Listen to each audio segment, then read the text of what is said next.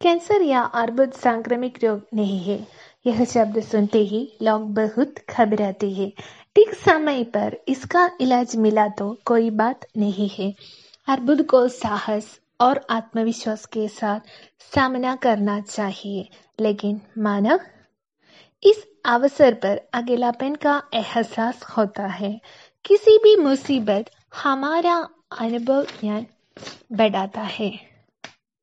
मन खराब होने से रोग विमुक्त पा नहीं सकेंगे। हताशा और भय को भगाना ही होगा। दिल में ऐसा ख्याल देखना है कि जीवन में शिशिर काल के बाद बसंत आएगा। इस धरती में जीने का सौभाग्य ईश्वर की कृपा से हमें पा सकते हैं। किसी भी संगत की दशा हम पर कर सकेंगे। ऐसी जानकारी से हमें आगे बढ़ने चाहिए।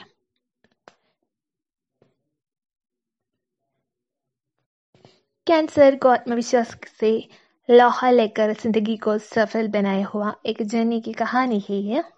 परिवार की प्रार्थना, सांत्वना, प्रेम, मिलन, सहकारिता यह मनोरंजन सब इनके मनोबल को बढ़ाएगा। बीमारी का जमाना बीत गया। मवास के दिनों के बाद पूर्णिमा का दिन आगे है। घर के वापस एक बार फिर माँ के साथ की ज़िंदगी, हमारा सपना सफल हो रहा है। ये कहानी अर्बुद के तराइन से एक सफ़र में थी। अगर आपको इस कहानी का भाग तो पसंद है तो कमेंट कीजिए।